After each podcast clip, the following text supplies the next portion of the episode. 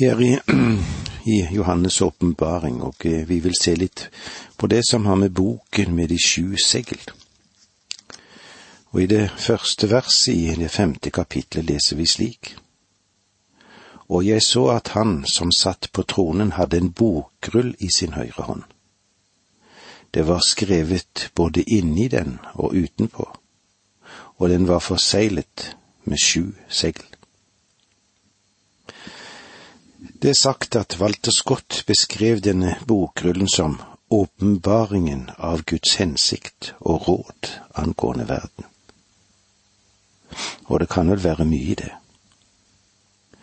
Men det er vanskelig i og i alt å beskrive innholdet i denne boken. Dette er selve grunndokumentet. Dette er eierdokumentet. Du husker kanskje da israelsfolket skulle føres i fangenskap. Da fikk Jeremia beskjed om å sende sin tjener for å kjøpe et jordstykke, og få odelsretten og innløsningsretten til det. For Gud lovet at dette folket skulle få vende tilbake til sitt land. Det står om dette i Jeremia-boken i det 32. kapitlet der fra vers 6 til 15. Hvem har odelsretten til denne jord? Det er ingen andre enn Herre Jesus. Han alene har den. Og i Danielsboken i det syvende kapittel, vers 13 og 14 leser vi. Videre så jeg i mine nattsyner. Se, med himmelens skyer kom det en som var lik en menneskesønn. Han nærmet seg den gamle av dager og ble ført frem for ham. Han fikk herredømme, ære og rike, folk og stamme med ulike språk. Alle folkeslag skal tjene ham. Hans velde er et evig velde. Det skal ikke forgå hans rike går aldri til grunne. Dette antyder, tror jeg, at det som blir overrakt den Herre Jesus, og vi vil få se at det blir overrakt ham, er odelsretten til den verden der du og jeg lever. Han skapte den, han forløste den, og den tilhører ham. I profeten Zakaria som er en bok du må kjenne til for å forstå åpenbaringen, så leser vi der i Zakaria 5, 1-3. Da jeg igjen løftet øynene, fikk jeg se en flygende bokrull. Engelen spurte meg, Hva ser du? Jeg svarte, jeg ser en flygende bokrull som er 20 alen lang og 10 alen bred. Så sa han til meg, dette er forbannelsen som går utover hele landet. Fra nå av skal hver tyv utryddes, ettersom det står i bokrullen. Og enhver som sverger skal fra nå av utryddes etter det som står i den. Denne flygende bokrullen er det samme som den bokrullen som vi har her i åpenbaringsboken. Noen tror at de ti bud er i denne bokrullen, og at verden skal bli dømt ved disse bud. Det er jeg ikke så sikker på. Mange forslag har kommet frem i et forsøk på å identifisere denne boken, men her er i alle fall ett av de punktene der vi ikke kan bli så veldig skråsikre. Det forslaget som jeg anser å være mer i pakt med, totale, med det totale skriftbildet, er at denne bokrepresentanten har med Guds nye pakt å gjøre, den nye pakt med Israel. Gud taler ganske mye om denne pakten. I Jeremia leser vi slik. Se, dager skal komme, sier Herren, da jeg slutter en ny pakt med Israel sitt og Juda sitt jeg vil legge min lov i deres sinn og skrive den i deres hjerte. Jeg vil være deres Gud, og de skal være mitt folk. Slik står det i Jeremia 31, 31 og 33. Og Paulus sier det slik i Romerbrevet, i det ellevte kapittelet, versene 26 og 27. På denne måten skal hele Israel bli frelst, slik det står skrevet. Fra Sion skal redningsmannen komme. Han skal ta bort alle ugudelige fra Jakob. Og dette er den pakt jeg vil slutte med dem når jeg tar bort deres synder. Og i Hebreerbrevet finner vi disse ordene. Slik er den pakten jeg vil slutte med dem i de dager som kommer. Og deretter sier han, jeg vil gi mine lovbud i deres hjerter og skrive dem i deres sinn. Dette står i Hebrevbrevet 10, 16. Og eh, det er dette og Jeremia har talt om. Men så fortsetter Hebrevbrevets forfatter med disse ordene i versene 17-18 i det samme kapitlet, altså kapittel 10. Og deres synder og all deres urett vil jeg ikke minnes mer men der det er tilgivelse for syndene, trengs ikke lenger noe offer for synd. Den gamle pakten som Gud hadde inngått med Israel, var avhengig av mennesker. De ti bud utstrålte gjør dette. Den var knyttet til menneskets svakhet, og som et resultat av at det ikke lyktes. Det hvilte ikke på at det var noe galt med det ti bud eller de lover som Gud gav. Nei, problemet var et helt annet sted. Problemet lå hos mennesket. Det samme skjedde jo i Edens hage. Noen tror at det var noe galt med frukten, eller at det var noe uvanlig med treet. Jeg tror det var god frukt, og lik mye annen frukt. Problemet lå ikke i frukten på treet, nei, det lå hos mennesket som var på jorden. Det var der problemet lå. Den nye pakt er avhengig av Guds makt og Han som sitter på tronen. Den hviler på den Herre Jesus Kristus. Og så åpenbaringen 5.2. Da så jeg en mektig engel som ropte ut med høy røst. Hvem er verdig til å åpne boken og bryte seilene på den? Hvem har retten til og kravet på denne verden? Hvem er det som kan herske over den? Hvem kan opprette rett og rettferdighet? Kan våre politiske partier eller institusjoner gjøre dette, tror du? Finnes det noen administrasjon som kan gjøre det? Tror du at FN kan gjøre det? Jeg tror ikke at du er så hjernevasket i denne fase i verdens historie at du tror at noe menneske kan løse sine egne problemer. Guds ord gjør det helt klart at det kan ikke mennesket makte å få til. En mektig engel det betyr en med engel som har makt. Han hadde høy røst. Dette taler nå om makt. Det er den makt som er nødvendig for å gjøre denne pakt effektivt. Vers tre. Men verken i himmelen eller på jorden eller under jorden var det noen som kunne åpne boken eller se den. Det var ikke noe menneske i Adams ettlinje som har rett til å åpne boken og ta makten over denne jorden. Det er mange som har prøvd det opp igjennom historien. Adam mistet makten gjennom synd. Moses, han var lovgiver, men han var også lovbryter. David og alle i hans linje, de mislykkes. Ingen i Adams etterlinje er kvalifisert. Det finnes ingen i dag. Herskeren må være en forløser.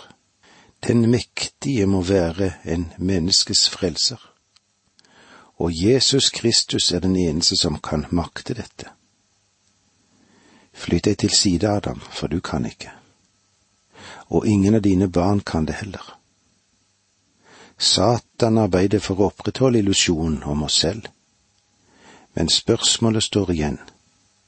Hvem er mektig til å gjøre det? Og med disse ordene sier vi takk for nå, må Gud være med deg. Dette undervisningsprogrammet består av to deler. Åge Nevland fortsetter nå med andre del av dagens undervisning. Vi er i Johannes' åpenbaring. Vi er i det femte kapitlet, og vi vil se bokrullen med de sju seilene. Et mektig budskap som vi har å stoppe opp for litt, og jeg så han som satt på tronen hadde en bokrull i sin høyre hånd. Det var skrevet både inni den og utenpå, og den var forseglet med sju seil. Boken med de sju segl. I vers fire leser vi slik. Da gråt jeg sårt fordi ingen var funnet verdig til å åpne boken eller se den. Hva er det som skjer? Jo, at Johannes blir ganske urolig på grunn av dette. Hele denne mannens hjerte var fullt av profetiene. Johannes, han hadde en hellig nysgjerrighet. Han ønsker å se inn i ting som ikke engang engler kunne se inn i. Johannes går inn i dette dramaet fordi han er fra jorden. Åpenbaringsboken, den ble skrevet i tårer. Skal jorden fortsette i synd og sorg? Er det ingen fremtid for jorden? La oss lytte til hva Paulus har å si til oss gjennom Romerbrevet 823. Og ikke bare det, men også vi som har fått Ånden, den første frukt av den kommende høst. Vi sukker med oss selv og lengter etter den dag da vårt legeme blir fridd ut, og vi blir Guds barn helt og fullt. Ingen er i stand til å herske over denne jorden. Johannes er overveldet ved den mulighet at kanskje det ikke er noen. Og Paulus skriver igjen da i det 22. verset her i kapittel 8 i Romerbrevet. Vi vet at alt som er skapt, stønner og lider som i fødselsvær helt til denne dag. Personlig synes jeg at evolusjon er den mest pessimistiske filosofi og den mest pessimistiske teori noen kan holde fast ved i dag. Ikke rart at den har ført til mange selvmord blant de som er intelligente. Intelligensiaen. Hvilket håp er det da i fremtiden? Om det tok millioner av år å komme dit som vi er i dag? Er det ingen som kan løse dette problemet, tro? Det lyder så usannsynlig og smalspåret når politikere påstår at de kan skape fred i vår tid. Ja, det er nesten enda mer tragisk å høre Kirken si at de kan løse verdens problemer, og at de raskt kan evangelisere verden. Får jeg lov til å si at det finnes ingen som er kvalifisert til å åpne denne boken og ta makt over denne jorden som vi beveger oss på. Og Johannes gråter en hel del på grunn av dette. Da gråt jeg sårt, fordi ingen var funnet verdig til å åpne boken eller se den. Vi går nå videre til vers fem i kapittel fem. Kristus, løven og lammet. Men en av de eldste sa til meg, Gråt ikke, for løven av Judas stamme, Davids rotskudd. Han har seiret og er en som kan åpne boken og de sju seil. Det er klart av teksten at en eller annen av de eldste har gitt et svar. De hadde åndelig lys. Jeg tror at dette også understreker at det var menighetens ledere for den Herre Jesus som hadde sagt dette til sine egne. Slik som vi òg finner det i Johannes evangeliet i det femtende kapittel vers 15. Jeg kaller dere ikke lenger tjenere, for tjeneren vet ikke hva hans herre gjør. Jeg kaller dere venner, for jeg har sagt dere alt jeg har hørt av min far. Den Herre Jesus Kristus er den eneste som har rett til denne jorden. Han har ikke bare forløst deg, han har ikke bare forløst meg, men han har også forløst jorden. Han blir beskrevet i dette kapitlet ut fra alle de tjenester han har vedrørende denne jord. Løven av Judas stamme. Det fører ham selvfølgelig inn i Judas stamme og Israels folk. Da Jakob lå døende, kalte han sine tolv sønner til seg, og her er den profetien som han uttalte angående Juda. Og den leser vi i Første Mosebok i det 49. kapittelet, vers 9 og 10. En løveunge er Juda. Fra rov er du kommet hjem, min sønn. Han legger seg til ro og trekker seg som løven, som løvinnen. Hvem våger å vekke ham? Konges spir skal ikke vike fra Juda eller herskestav fra hans føtter, til den rette kongen kommer, han som folkene skal lyde. Den Herre Jesus er løven av Juda. Han er også Davids rotskudd. I andre Samuels bok i det syvende kapitlet, dette mektige kapitlet som omhandler Guds pakt med David, så sier han der, Jeg vil la én i din ett herske, ikke bare over dette folk, men over hele jorden. Den Herre Jesus Kristus har rett til å herske fordi han er fullbyrdelsen av de profetier som er uttalt i Det gamle testamentet angående verdens fremtid. Alle disse profetier vil bli fullbyrdet ved hans andre komme til jord, for å opprette sitt rike. Vers seks Jeg så et lam. Det sto midt i kretsen, mellom tronen og de fire vesener og de eldste. Og lammet så ut som det var slaktet. Det hadde sju horn og sju øyne, og øynene er Guds sju ånder som er sendt ut over hele jorden.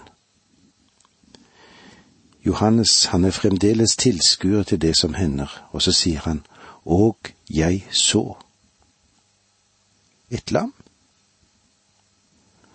Ordet her står i diminutiv, som bokstavelig talt betyr et lite lam, og det peker hen på renhet og villighet til å bli ofret. Han ble ført som et lam til slaktebenken han åpnet ikke sin munn i det hele tatt, som det står om i Jesaja 53,7.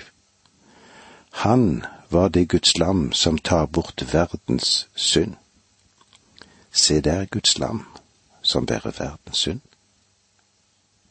Lammet så ut som det var slaktet, og det peker på det forløsende og stedfortredende i Kristi død. Og vekten ligger på at han ble drept med vold. Det sto midt i kretsen. Dette taler om hans oppstandelse. Han sitter ikke lenger ved Guds høyre hånd. Han beveger seg nå. Han går frem til makt. Han kommer til jorden. Dommen som ligger i trengselen er i ferd med å bryte fremover jorden. Vindene blåser allerede over denne arme jord. Midt i kretsen mellom tronen og de fire vesener, det er indikativ, og understreker at han som står for tronen er klar til å handle som den rettferdige dommer. Det hadde sju horn. Det er markeringen av en fullstendig makt. Et horn som taler om makt, Det kan du se i Daniel 7,8. Han er allhersker. Sju øyne er uttrykk for fullstendig kunnskap. Kristus er allvitende. Han er den allmektige og den allvitende Gud. Han beveger seg i en fylde av ånd, som er visdoms- og kunnskapsånd. Den Herre Jesus Kristus er en løve og et lam. Løvens karakter henviser til hans andre komme. Lammets karakter viser til hans første komme. Løven er symbolsk for hans majestet. Lammets symbol er symbolet på hans ydmykhet. Som løve er han hersker. Som lam er han frelser. Som løve er han dommer. Og lam er han den som blir dømt. Løven representerer Guds makt. Lammet, det representerer Guds nåde. Vers syv. Lammet kom bort til ham som satt på tronen, og tok imot boken av hans høyre hånd. Tok imot, det kan også oversettes har tatt. Den Herre Jesus beveger seg til tronen gjennom trengselen. Han dømmer verden i rettferdighet før han hersker i rettferdighet. Han er ikke lenger menighetens forbeder for nå er menigheten sammen med han. Han begynner å handle som dommer, og denne bevegelsen her er viktig. Og det vil vi komme tilbake til når vi møtes igjen neste gang. Det var så langt vi kom i dag. Takk for nå, må Gud være med deg.